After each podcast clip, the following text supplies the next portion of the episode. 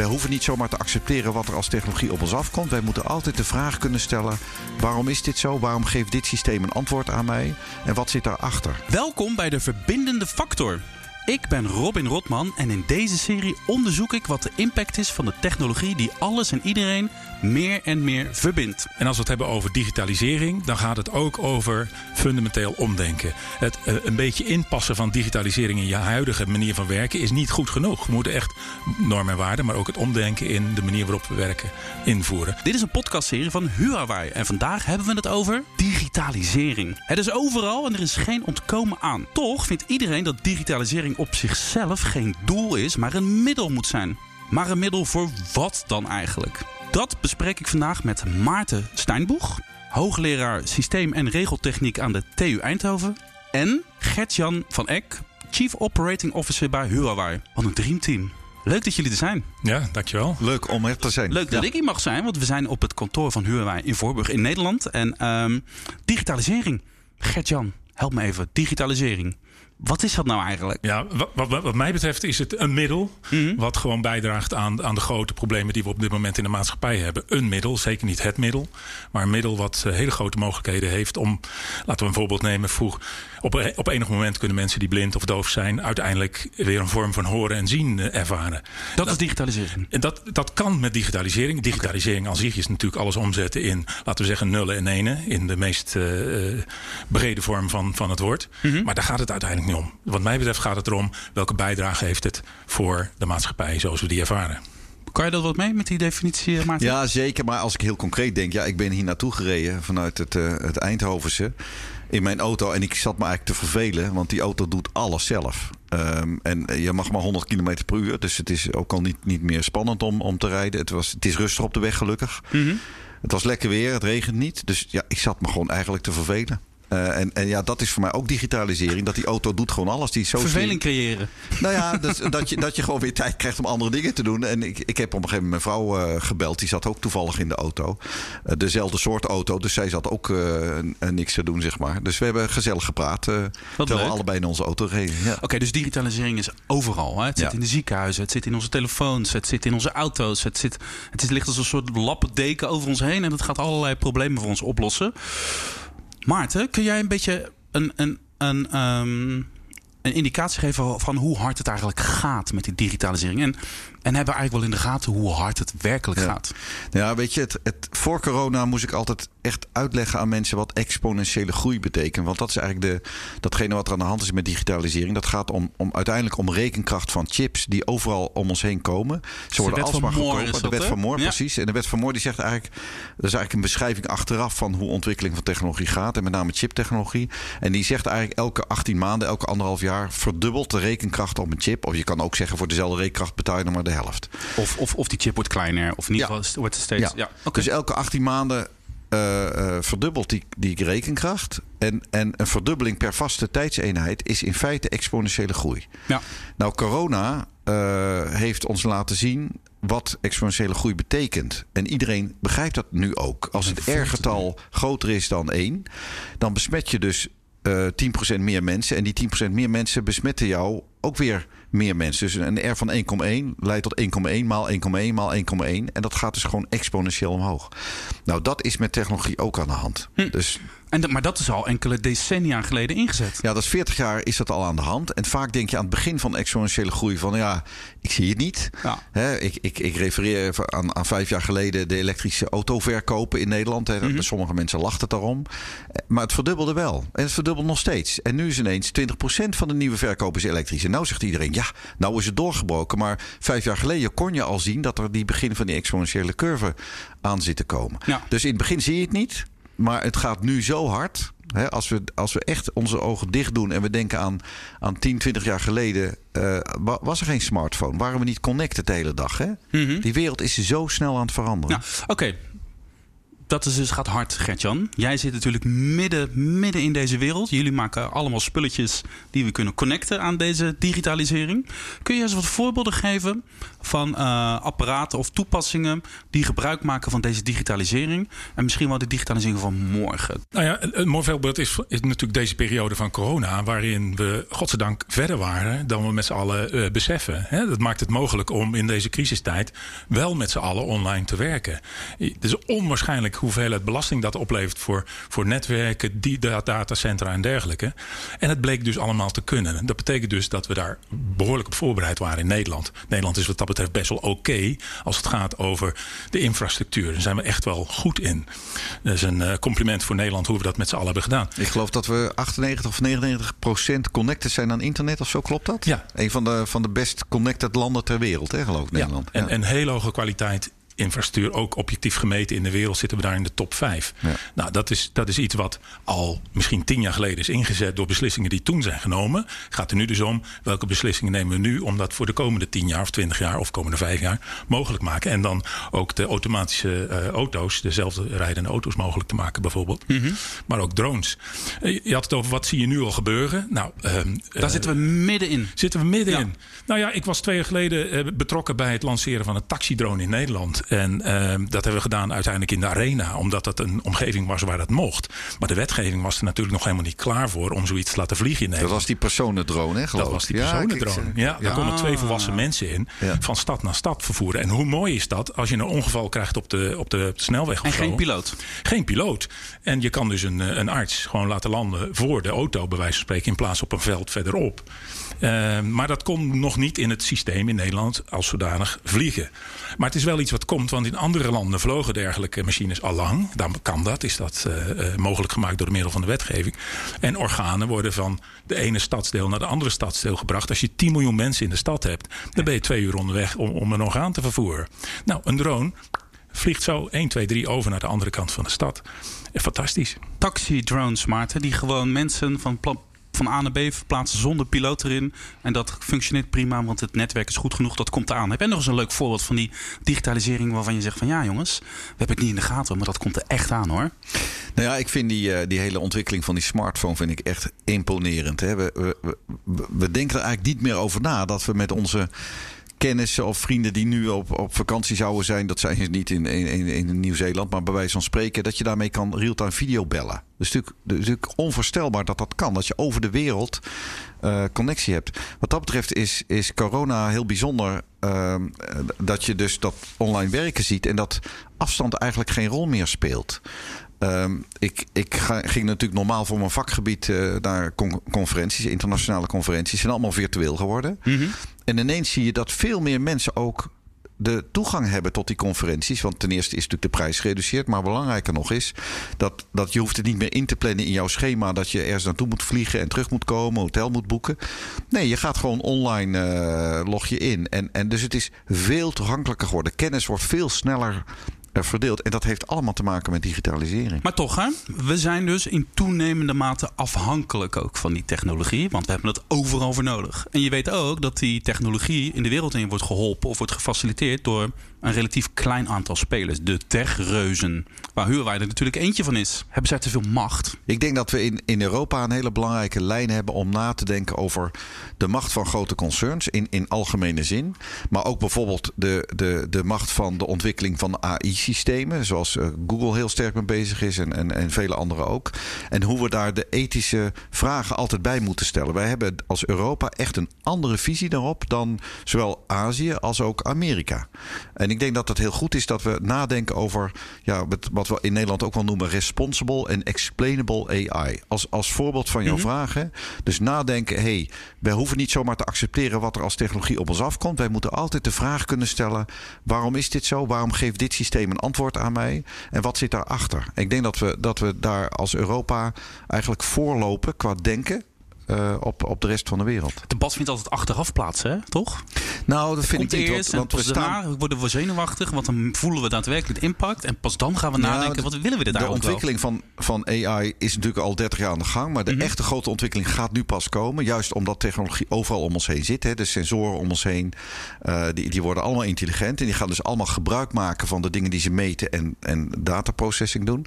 Dus de echte ontwikkeling eh, die ons overal gaat, gaat helpen en raken ook, eh, die, die gaat nog komen. En, en dus zijn we best op tijd om ook de jonge ingenieurs te leren om verantwoordelijkheid te nemen bij de ontwikkelingen die zij doen. Gert-Jan, dit verhaal ken je natuurlijk, hè? Ze, jullie, de techreuzen hebben te veel macht. Voel je dat ook zo? Of heb jij misschien juist het gevoel van, nou, we worden alleen maar ingeperkt? Nee, ik ben, ik ben wel van overtuigd dat het goed is om meerdere partijen ter wereld te hebben die bijdragen aan technologische ontwikkelingen. En partijen die heel groot zijn, hebben ook het risico in zich dat dat eh, natuurlijk ongecontroleerd eh, eh, wordt, wordt geuit. Maar dan ben ik inderdaad ook wel een groot fan van wat er in Europa gebeurt. Daar lopen we inderdaad in, in voorop om te kijken hoe je dat hanteerbaar houdt. Ehm, het voordeel van grote bedrijven is natuurlijk wel dat ze een ongelooflijke ontwikkelingskracht kunnen hebben. Die in een versplinterde situatie niet tot, tot zijn recht komt.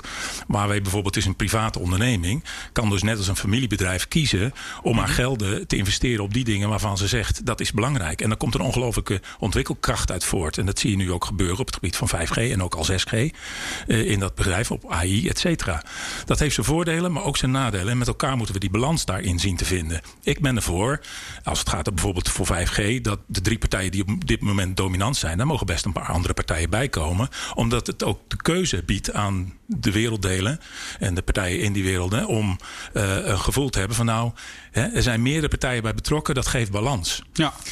Dus dat, daar ben ik ook wel voor. Dit is een leuk bruggetje naar eh, onze, onze rubriek in deze podcast. Connecten met critici. Er wordt natuurlijk van alles geroepen over Huawei en over technologisering. Ehm, en die ga ik jullie even eh, mee confronteren, zou je kunnen zeggen. Je, net- je had het net over 5G. Eh, ik zit natuurlijk op internet te zoeken naar die critici en wat ze allemaal te roepen hebben. En dan kom je onder allerlei nieuwsartikelen die over, onder andere over Huawei verschijnen, kom je dan tegen. Let op.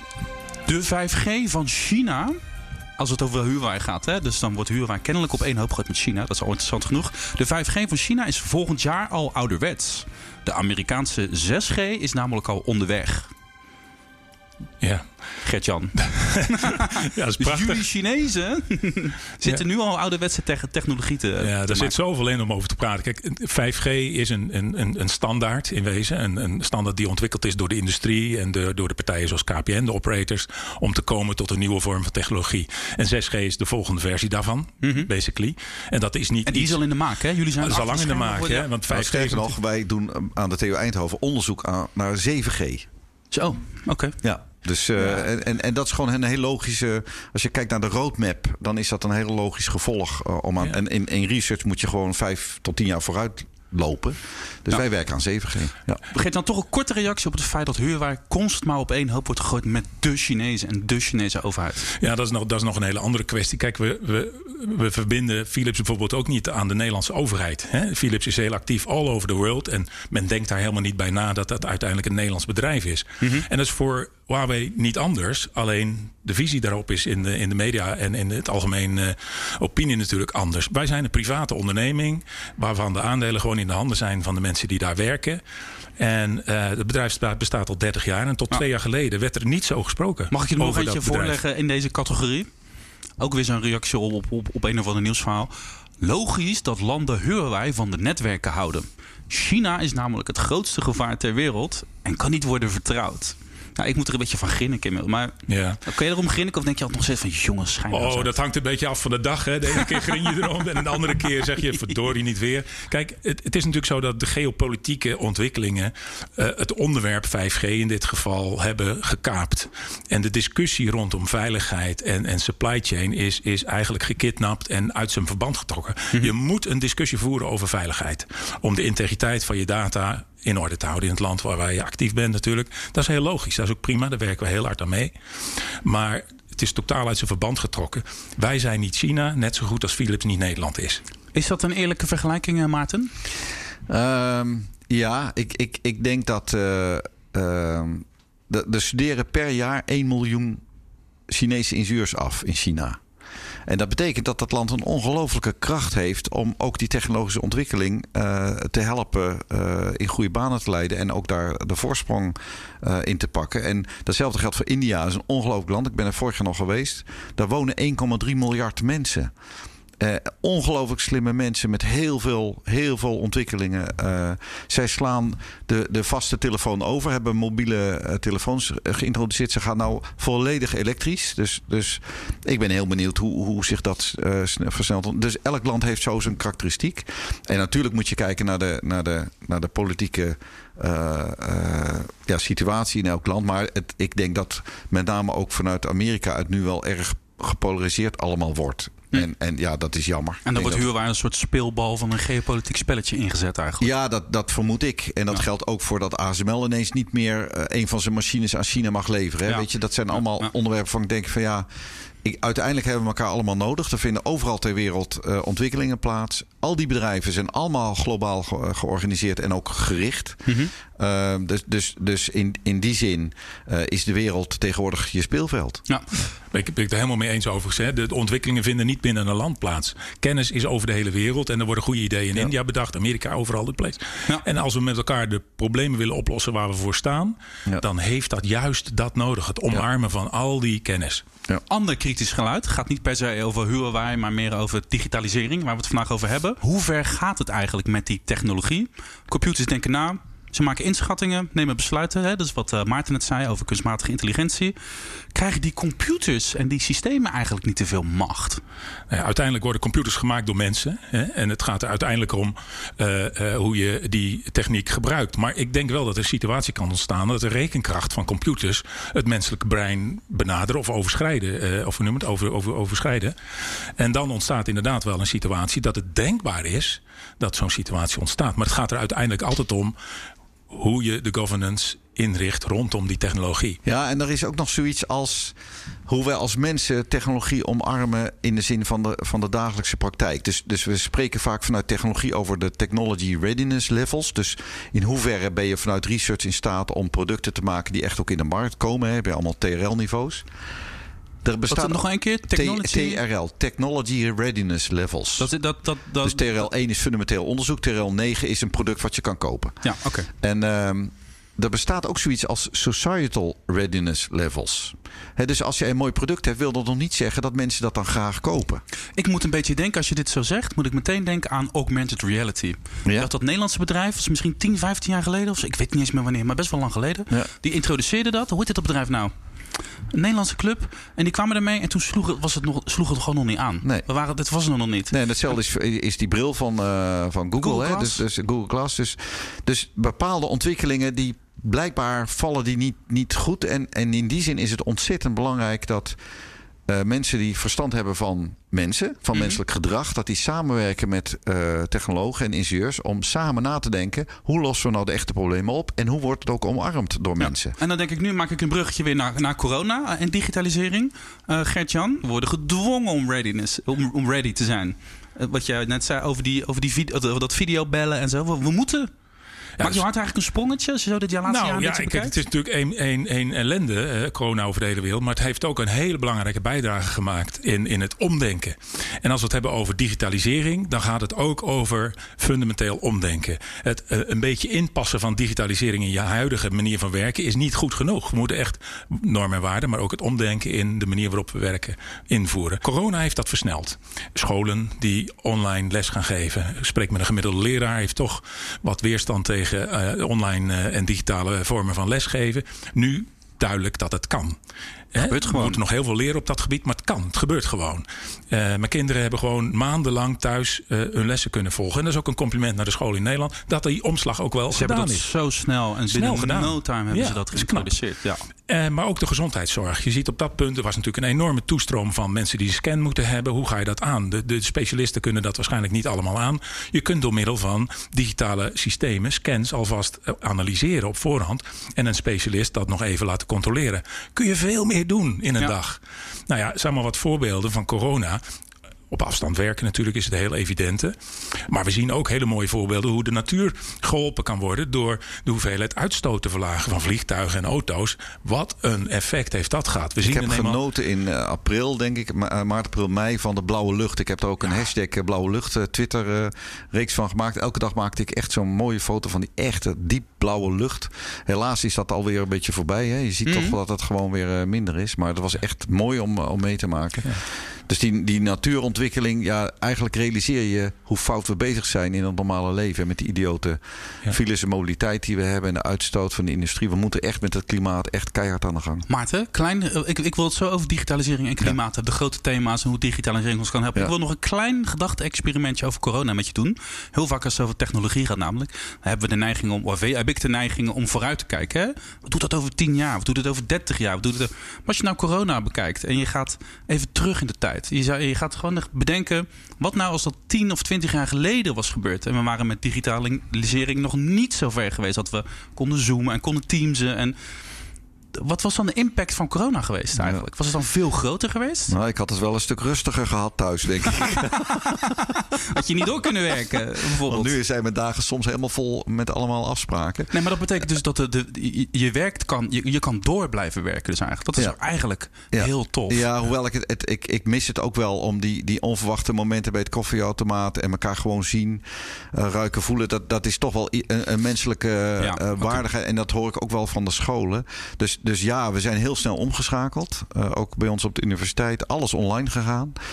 Uh, maar de, je, je, merkt ook dat je dan wel wat mist. Dus ik ben blij als het allemaal straks weer, uh, weer voorbij is. Maar 10, 20 jaar geleden was het anders gelopen. Maar niettemin, toch de impact van technologisering of de hulp die we hebben. We kunnen in ieder geval, we kunnen, het onderwijs kan gewoon tussen aanhalingstekens doorgaan. Je werk kan tussen aanhalingstekens gewoon doorgaan. Ja. De, de impact op de economie is daardoor misschien toch klein. Die is groot, maar misschien toch kleiner dan.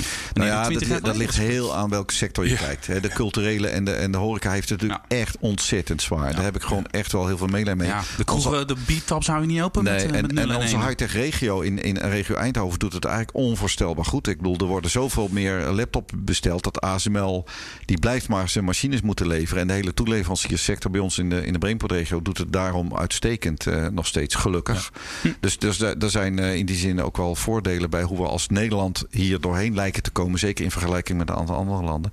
Maar desalniettemin is het een hele trieste periode voor heel veel mensen. En hm. zeker voor de, voor de kleinere zelfstandigen en zeker die met een horecabedrijf. Hm.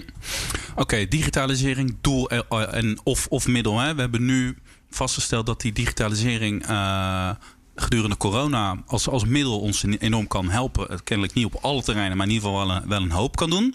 Laten we gewoon een paar leuke maatschappelijke thema's dus gewoon doorlopen, langslopen en kijken wat digitalisering kan doen of kan bijdragen. Klimaatprobleem. Het viel net al het woord. Ja. Hoe gaat digitalisering daar ja. ons helpen? Enorm. Wie? Enorm. Ja, ik, nou ja, een, van de, een, van de, een van de, uh, de grote uh, problemen natuurlijk is dat we voldoende duurzame energie hebben. Mm -hmm. Dus we zijn als een gek zonnepanelen en windturbines aan het bouwen. En wat je ziet is dat als we dat versneld doen, dat er een probleem zou kunnen ontstaan met de lokale netwerken. Maar wat is nou het leuke? Dat we ook elektrische auto's zien opkomen. En dat we dankzij digitalisering in Nederland voorop lopen met slimme laadinfrastructuur, slimme laadpalen. Al onze laadpalen in Nederland die wij leveren, of het nou privaat is of publiek, zijn allemaal connected. En omdat ze connected zijn, zijn we in staat om slimme algoritmes uit te rollen via appjes. Namelijk dat jouw auto gaat laden op het moment dat er een overschot is aan energie. Want wat gaat er dan gebeuren als er meer energie is dan dat we feitelijk op dat moment nodig zouden hebben? Dan gaat de prijs omlaag op de, op de markt van de, de energie. Als de prijs omlaag gaat, kan je dus via je appje een signaaltje krijgen. Of eigenlijk krijg je auto dan een, een, een signaaltje van nou ga mij nu maar laden. Want nou is het lekker goedkoop. En er, er zijn nu al appjes die je kan downloaden waarmee je dat echt nu al kan doen. Dus dat is niet iets voor over vijf of tien jaar, dat kan nu al. Ja. En dankzij die digitalisering zijn we dus in staat om veel meer duurzame energie in ons netwerk in te voeren. Maar ook om die transitie van mobiliteit naar elektrisch vervoer Super heel soepeltjes te doen. Gert-Jan, wat doet Huurwij? Wat voor spullen maken jullie uh, om het klimaatprobleem te helpen? Op, nou, oplossen, zou ik maar zeggen. Heel, heel concreet, als je kijkt naar 5G-technologie, is ook al ontwikkeld om minder energie aan zich te gebruiken. Dat is gewoon een slimmere technologie die aanstaat op het moment dat het nodig is en niet permanent. Hè. Dat is een heel simpel voorbeeld daarvan. Maar ook wat Maarten zegt, door algoritme te hebben kun je heel slim omgaan met waar is iets nodig en waar is iets niet nodig.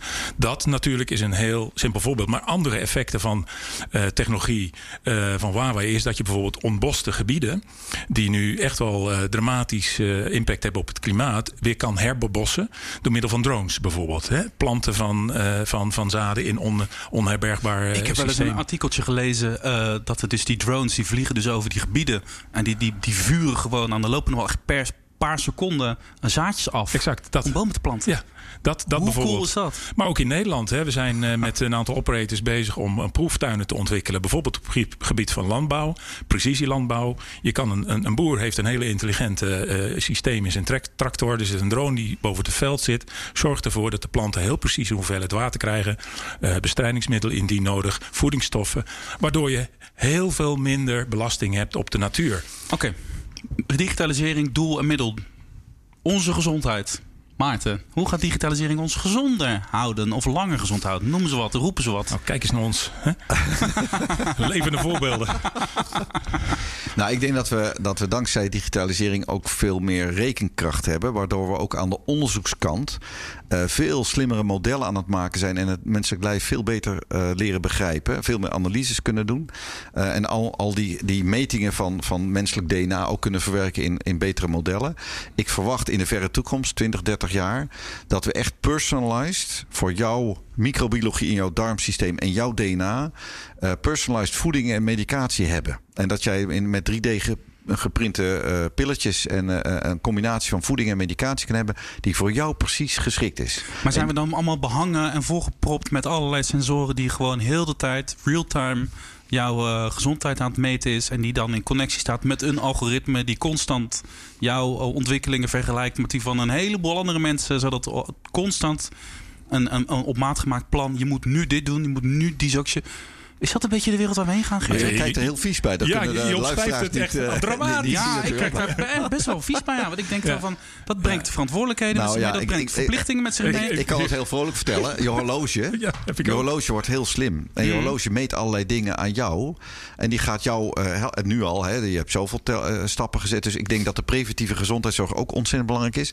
En dit soort gadgets die helpen. En mensen vinden het leuk. Dus dat, dat is een beetje met die SRL-levels die ik daar straks noemde. Die Society Readiness Levels. Als je het leuk maakt, dan gaan mensen het ook gebruiken. Ja, ja. En dan is het niet belastend, maar dan is het leuk en dan is het goed voor je gezondheid. Is jouw gezondheid beter geworden de laatste tien jaar dankzij dat spul aan je pols? Ik weet niet of het dankzij dat spul is uh, zozeer. Maar ik, ja, ik, ik ben wel veel bewuster met mijn lijf ja. de laatste tien jaar. Ja. De, de, beloftes die technologie en digitalisering met zich meebrengen voor onze, onze gezondheid, Gert-Jan? Ja, nou, ik ben het volledig mee eens. Ik heb ook zo'n mooi horloge wat, wat feedback geeft over mijn, de staat van mijn, mijn lichaam. Ik zie nu dat mijn stressniveau wat hoger is, bijvoorbeeld. maar uh, het helpt me enorm om beter op mezelf te letten en meer uh, uh, gezondheids, proactieve acties te doen dan, dan gezondheidszorg, zullen we maar zeggen. En dat moeten de artsen wellicht in de toekomst ook meer gaan doen. En dat kan. En jij maakt het heel dramatisch. We zijn aangehaakt aan allerlei sensoren. Ik heb laatst een slaaponderzoek gehad. Toen zat ik inderdaad onder een hele Zo'n badmuts bos, op, een badmuts op en, en bossen ja. van, die, van die draden. Dat is inderdaad niet fijn. Maar dat kan veel slimmer ja. en leuker ook vooral. Ik denk dat de sensoren ook niet zozeer in je lijf alleen maar komen, maar met name ook buiten je lijf. Dus bijvoorbeeld in jouw toilet. Dat je gewoon op een bepaald moment op de dag even, even een soort APK'tje van check-up doet. Dat, ja, dat, dat gaat automatisch. Elke keer als je naar het toilet gaat, dan wordt er automatisch even gemeten. En, en als daar iets te zien is wat, wat belangrijk is dat je dat weet, dat je dat dan te horen krijgt in de toekomst. Hè? Ik nou, kan me dat zomaar voorstellen. En dan gaat er gelijk een signaaltje naar het ziekenhuis. Deze dat mag meneer of mevrouw, die heeft, dat mag jij kiezen. Die komt eraan, want die heeft uiteindelijk. uiteindelijk okay, mag jij dat onze kiezen. gezondheidszorg ja. gaat de goede, goede kant op. Uh, is, is ook nodig, hè? anders wordt het ook onbetaalbaar. Hè? Hans de Jong van Philips geeft het ook aan. Van 90 miljard naar 200 miljard in de komende. Nou ja, en dat, dat is ook iets waar we over aan het nadenken zijn natuurlijk met de, met de toenemende vergrijzing in Nederland. Mm. Nederland loopt samen met Japan en uh, Duitsland daarop voorop. Hoe kunnen we aan voldoende zorgpersoneel komen? En daar zal technologie ook een belangrijke rol moeten okay. spelen. Een heel ander onderwerp. De slimme steden. Ik heb een ontzettend leuk gesprek met jouw collega Gert-Jan uh, Edwin Diender uh, mogen hebben over deze podcastserie over de slimme steden. Hij zit in Shenzhen. En, en dat is heel leuk om, om terug te luisteren, die aflevering. Dus ik raad jullie dat aan om dat te, te doen. Um, Schets jij even een beeld van die slimme stad en hoe de digitalisering ons daar gaat helpen? Nou ja, het gaat in de eerste plaats om dat we een beter leven leiden. Als je ziet de ontwikkelingen op dit moment in de steden, heb je toch wel behoorlijk wat problemen. Mensen zijn eenzaam. De bereikbaarheid is verschrikkelijk. De vervuiling is groot, et cetera. Dat zijn natuurlijk dingen die we niet zo willen laten doorgaan. Die slimme steden zorgen ervoor dat dat soort grote uitdagingen mogelijk, hè, ik, de, de goede kans dat dat een beetje geholpen wordt in de goede richting. Daar heb ik enorm veel hoop op en vertrouwen in. En dat is ontzettend leuk. Weet je, het is in, op dit moment niet zo fijn om in Amsterdam te wonen met alle problemen van dien. Hè, dat kan best anders. Mm Maarten, bij dit soort ontwikkelingen zie je vaak dat een mogelijkheid voor sommigen uiteindelijk een soort verplichting of een noodzakelijkheid wordt voor ons allemaal. Dat, dat, dat, hè, er zijn natuurlijk die beroemde filmpjes van die mobiele telefoon. Ja. Dat mensen op straat, in weet ik veel, uh, eind jaren negentig worden ge geïnterviewd over. Ja, ja, ja op straat. Ga, ga, ga jij straks met een mobieltje Stuur maar lopen? een brief. En dan zeggen ze. Hoezo? Ik heb toch gewoon een telefoon thuis. En als ze Kijk, me willen, dus, dus het begon met een, met, een, Ja. met een mogelijkheid voor sommigen. En nu is het bijna noodzakelijkheid voor ons allemaal. Ja. Zie jij nog een soort iets waar we over moeten nadenken? Dat we moeten oppassen dat we niet de haves en have-nots krijgen? Dat het Ja. wel, dat het, Ja, wij noemen dat tegenwoordig met een populair woord inclusiviteit. Ik denk dat het heel belangrijk is. En, en dat, betekent dat we nadenken over, over alle groepen in de samenleving, dat die allemaal eh, betrokken zijn en blijven. Het goede is van, van het aspect wat je noemt dat. eh, als je economy of skill hebt, dus als er voldoende geproduceerd wordt, dan gaat het vanzelf, wordt het eh, beschikbaar en goedkoper voor iedereen. Eh, en een voorbeeldje is, is, eh, zijn de elektrische auto's. Hè, die, worden, die worden nou zoveel gemaakt dat ze alsmaar goedkoper worden. En dat is puur iets wat met economy of skill te maken heeft. Maar ik denk de continue zorg voor dat stuk van de samenleving die onvoldoende is aangehaakt. Ik denk dat dat heel belangrijk is. Ik persoonlijk, er is de laatste tijd weer heel wat discussie over. Ik persoonlijk ben nog steeds heel erg voorstander voor het idee van een basisinkomen. Ik denk dat dat toch, toch een, ik denk dat dat toch een idee is voor de toekomst om, om over na te denken. Of dat niet een, ja, een, hele, een hele eerlijke verdeling zou kunnen zijn van welvaart. ja, ik zou daar heel graag nog een hele podcast afleveren. Gaan we niet doen. Ehm, maar toch, Ger- Gert-Jan, als je het hebt over, over doelen en middelen en over kan iedereen meedoen en eh, of er nou wel of geen basisinkomen moet komen. Eh, dat- laten we in, in het midden. Kan je, eh, is het mogelijk om een soort alge- algemeen doel te formuleren waarin we digitalisering of nieuwe ontwikkelingen, waar jullie misschien ook aan werken, altijd kunnen toetsen? Dat is waar we mee bezig zijn.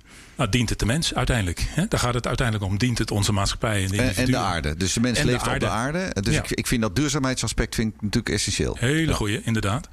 En als je, je hebt het over de bijdrage van, van digitalisering om, voor de, de, de- degenen die het niet hebben. Hè. Ehm, ik denk dat connectiviteit een enorme bijdrage heeft geleverd aan mensen voor toegang van kennis, toegang tot bankieren, noem maar op. De mensen die in Afrika eh, toegang kregen tot mobiele telefoons, kregen onmiddellijk ook de hele wereld tot zich.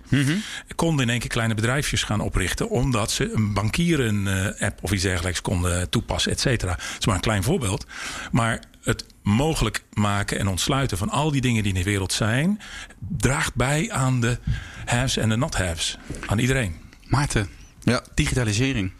Dient het de mens, dient het de aarde? Ik vind het wel een mooie afsluiting eigenlijk. Vind je niet? Ja, ik denk dat het een noodzaak is dat, dat alle nieuwe ontwikkelingen waar wij als mensen, als ontwerpers bij betrokken zijn, dat we dat altijd doen met het oogmerk om eh, de belangrijke eh, doelstellingen die we met z'n allen hebben geformuleerd eh, verder te brengen. Volgens mij ben ik er wel uit. We gaan spulletjes maken voor mens en aarde. En we worden er allemaal beter van. En we moeten dus vooraf bij al die ontwikkelingen altijd goed elkaar in de ogen blijven kijken. Wat willen we hier nou eigenlijk mee? En dan gaan we eigenlijk wel de goede kant op. Is dat een goede conclusie zo? Dat lijkt me een perfecte Geert-Jan? samenvatting. Spreken we af. Dank jullie wel, Maarten Steinboeg, eh, hoogleraar systeem en regeltechniek aan de TU Eindhoven. Succes met je mooie werk. Ja, dankjewel. En eh Gert-Jan van Eck, Chief Operating Officer bij Huawei. Ook dankjewel voor je tijd en eh, succes ook. Dankjewel. Ik vond het heel leuk. En eh, dat geldt ook voor jullie, maar ook voor de luisteraars. Luister ook de andere afleveringen van De Verbindende Factor terug. Want het is hartstikke leuk zoals jullie merken. En ga naar huurwij.com slash nl slash podcast. Als je dat allemaal ingewikkeld vindt, kan je ook gewoon zoeken naar De Verbindende Factor. eh, op de grote podcastplatforms als Spotify of eh, Apple Podcasts. En dan gaat eh Gert-Jan hier zijn koffie verder opdrinken. Dank jullie wel. Dankjewel.